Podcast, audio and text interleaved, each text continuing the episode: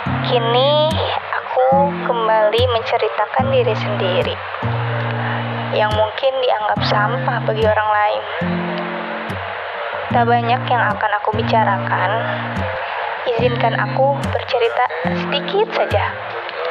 Jika kemarin adalah awal dari melangkah, maka akan ada hal lain untuk kupijak.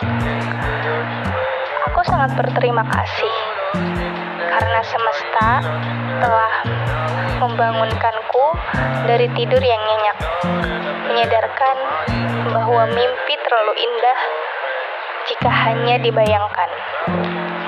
18 Oktober 2020 No remember, but I bet you know the color of heaven.